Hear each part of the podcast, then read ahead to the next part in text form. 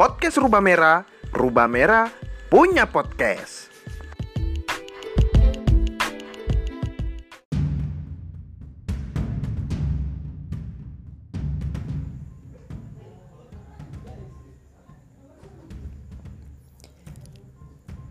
Saksi mata. Saksi mata itu datang tanpa mata. Ia berjalan tertatih-tatih di tengah ruang pengadilan dengan tangan meraba-raba udara.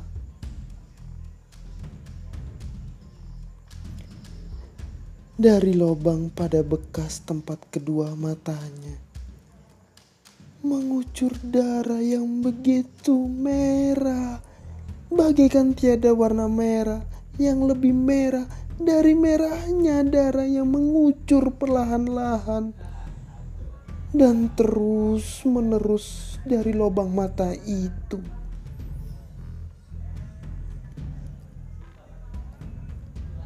Darah membasahi pipinya,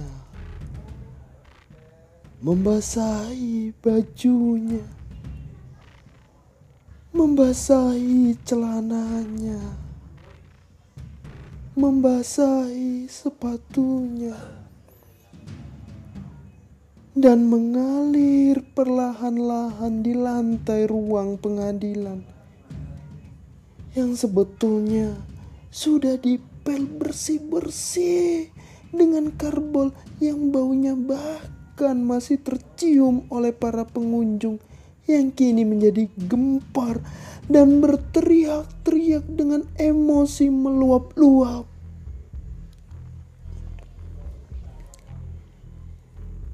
Sementara para wartawan yang selalu menanggapi peristiwa menggemparkan dengan penuh gairah segera memotret saksi mata itu dari segala sudut sampai menungging-nungging sehingga lampu kilat yang berkeredap membuat suasana makin panas. Terlalu dan sadis.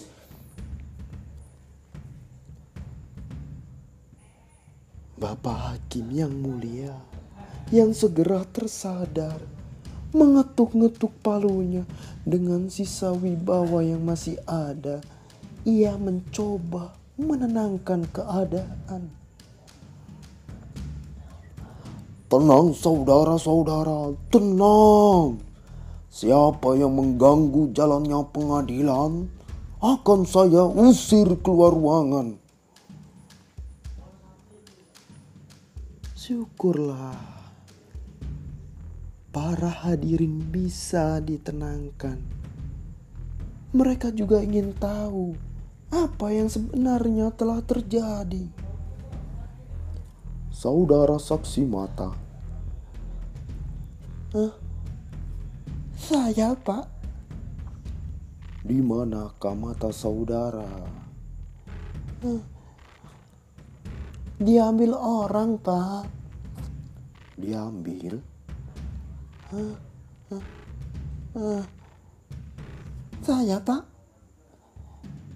Maksudnya dioperasi? Hmm, bukan, Pak. Diambil pakai sendok. Hah? Pakai sendok? Kenapa? Saya tidak tahu kenapa, Pak. Tapi katanya mau dibikin tengkleng. Dibikin tengkleng? Terlalu. Siapa yang bilang? Yang mengambil mata saya, Pak. Tentu saja, bego. Maksud saya, siapa yang mengambil mata saudara pakai sendok? Dia tidak bilang siapa namanya, Pak. Saudara tidak tanya, bego. Tidak, Pak. Dengar baik-baik, bego.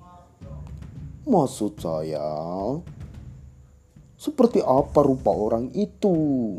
sebelum mata saudara diambil dengan sendok yang katanya untuk dibuat tengkleng atau campuran sop kambing barangkali.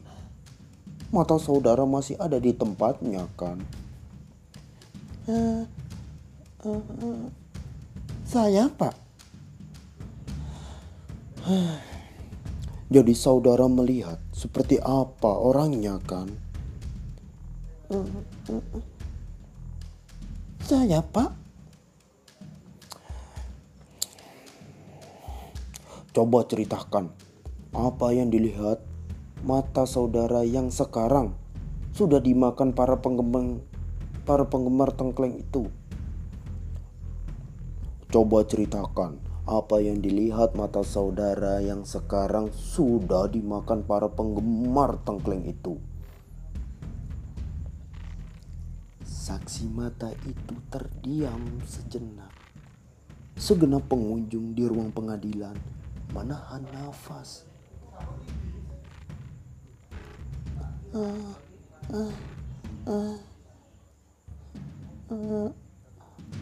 Ada beberapa orang, Pak. Berapa? Lima, Pak, lima. Seperti apa mereka? Saya tidak sempat meneliti, Pak. Habis mata saya keburu diambil sih. Masih ingat pakaiannya barangkali. Yang jelas mereka berseragam, Pak. Ruang pengadilan jadi riuh kembali seperti dengungan seribu lebah. Hakim mengetuk palunya. Suara lebah menghilang. Seragam tentara maksudnya. Bukan, Pak. Polisi. Bukan juga pak. Hansip barangkali.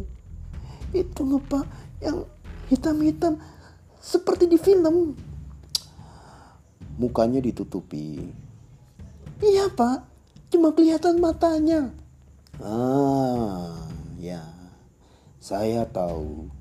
Ninja kan Nah itu ninja Mereka itulah yang mengambil mata saya dengan sendok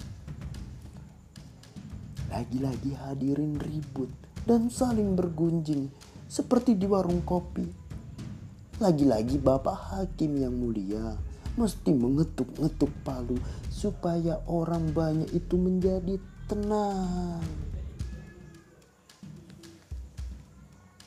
Darah masih menetes, netes perlahan-lahan tapi terus menerus dari lubang hitam bekas mata saksi mata yang berdiri seperti patung di ruang pengadilan.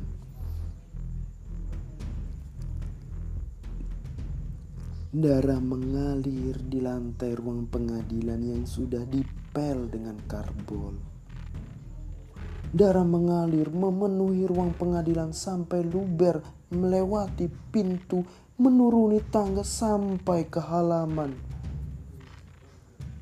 Tapi orang-orang tidak melihatnya. Saudara saksi mata. Hmm, saya pak. Ngomong-ngomong, kenapa saudara diam saja ketika mata saudara diambil dengan sendok? Mereka berlima pak. Saudara kan bisa berteriak-teriak atau melempar barang apa saja di dekat saudara atau ngapain kek supaya tetangga mendengar dan menolong saudara. Rumah saudara kan di gang kumuh. Orang berbisik di sebelah rumah saja kedengeran. Tapi kenapa saudara diam saja? Uh, habis terjadinya dalam mimpi sih pak. Orang-orang tertawa. Hakim mengetuk lagi dengan marah. Coba tenang sedikit. Ini ruang pengadilan, bukan Sri Mulat. Ruang pengadilan itu terasa sumpek. Orang-orang berkeringat. Namun mereka tak mau beranjak. Darah di halaman mengalir sampai ke tempat parkir. Hakim meneruskan pertanyaannya. Saudara saksi mata tadi mengatakan terjadi di dalam mimpi. Apakah maksud saudara kejadiannya begini cepat seperti dalam mimpi? Bukan, Pak. Bukan seperti dalam mimpi. Tapi memang terjadinya dalam mimpi. Itu sebabnya saya diam saja ketika mereka mau menyendok mata saya. Saudara serius. Jangan main-main ya. Nanti saudara harus mengucapkannya di bawah sumpah. Sungguh mati saya serius, Pak. Saya diam saja karena saya pikir toh terjadinya cuma dalam mimpi ini. Saya malah ketawa-ketawa waktu itu. Mereka bilang mau dibikin tengkleng. Jadi, menurut saudara saksi mata, segenap pengambilan mata itu hanya terjadi dalam mimpi. Bukan hanya menurut saya, Pak. Bukan hanya menurut saya, Pak. Memang terjadinya di dalam mimpi. Saudara kan bisa saja gila. Loh, ini bisa dibuktikan, Pak. Banyak saksi mata yang tahu kalau sepanjang malam saya cuma tidur, Pak.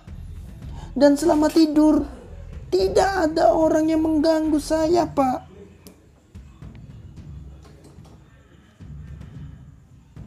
Jadi, terjadinya pasti di dalam mimpi ya. Eh, saya, Pak.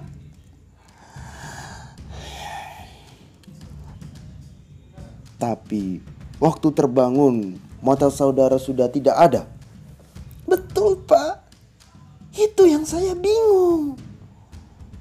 Kejadiannya di dalam mimpi, tapi waktu bangun kok ternyata betul-betul ya. Hakim menggeleng-geleng kepala, tidak bisa mengerti. Absurd, gumamnya. Darah yang mengalir telah sampai ke jalan raya.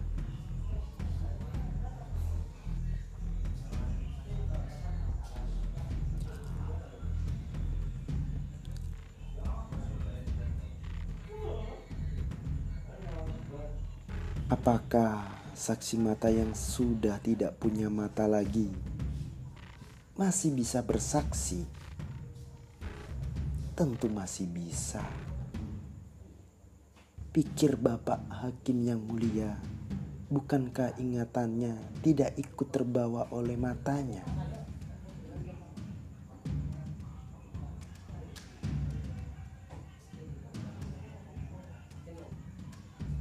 Saudara saksi mata.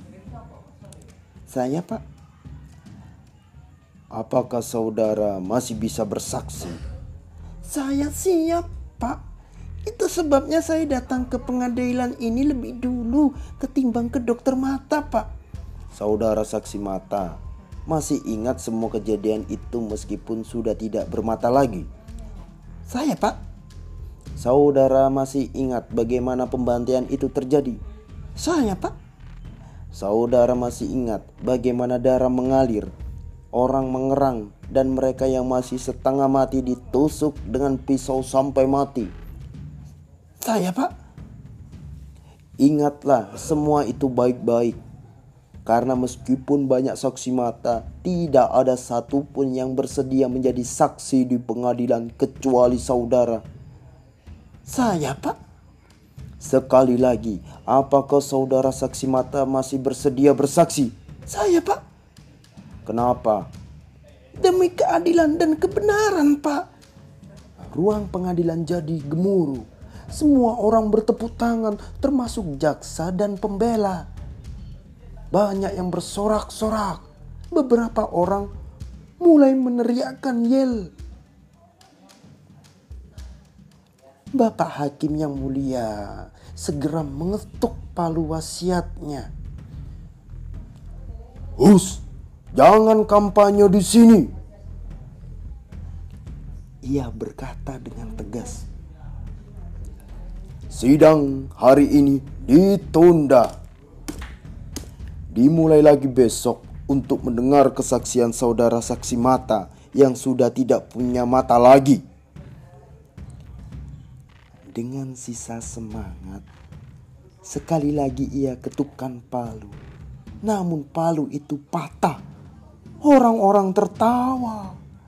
Para wartawan yang terpaksa menulis berita kecil karena tidak kuasa menulis berita besar, cepat-cepat memotretnya.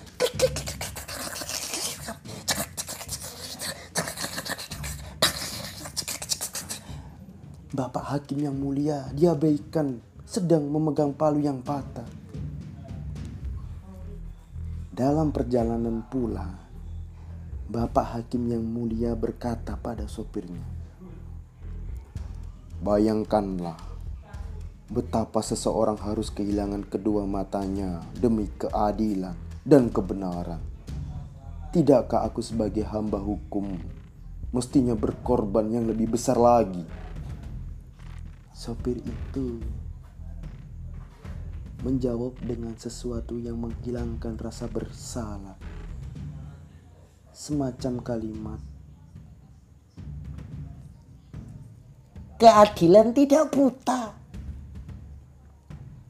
namun Bapak Hakim yang mulia telah tertidur dalam kemacetan jalan yang menjengkelkan. Darah masih mengalir perlahan-lahan tapi terus menerus sepanjang jalan raya sampai kota itu banjir darah. Darah membasahi segenap pelosok kota, bahkan merayapi gedung-gedung bertingkat sampai tiada lagi tempat yang tidak menjadi merah karena darah. Namun, ajaibnya, tiada seorang pun melihatnya. Ketika hari sudah menjadi malam, saksi mata yang sudah tidak bermata itu berdoa sebelum tidur. Ia berdoa agar kehidupan yang fana ini baik-baik saja, agar segala sesuatu berjalan dengan mulus dan semua orang berbahagia. Pada waktu tidur lagi-lagi ia bermimpi. Lima orang berseragam ninja mencabut lidahnya kali ini menggunakan catut. Jakarta 4 Mei Jakarta 4 Maret 1992 Seno Gumira Aji Dharma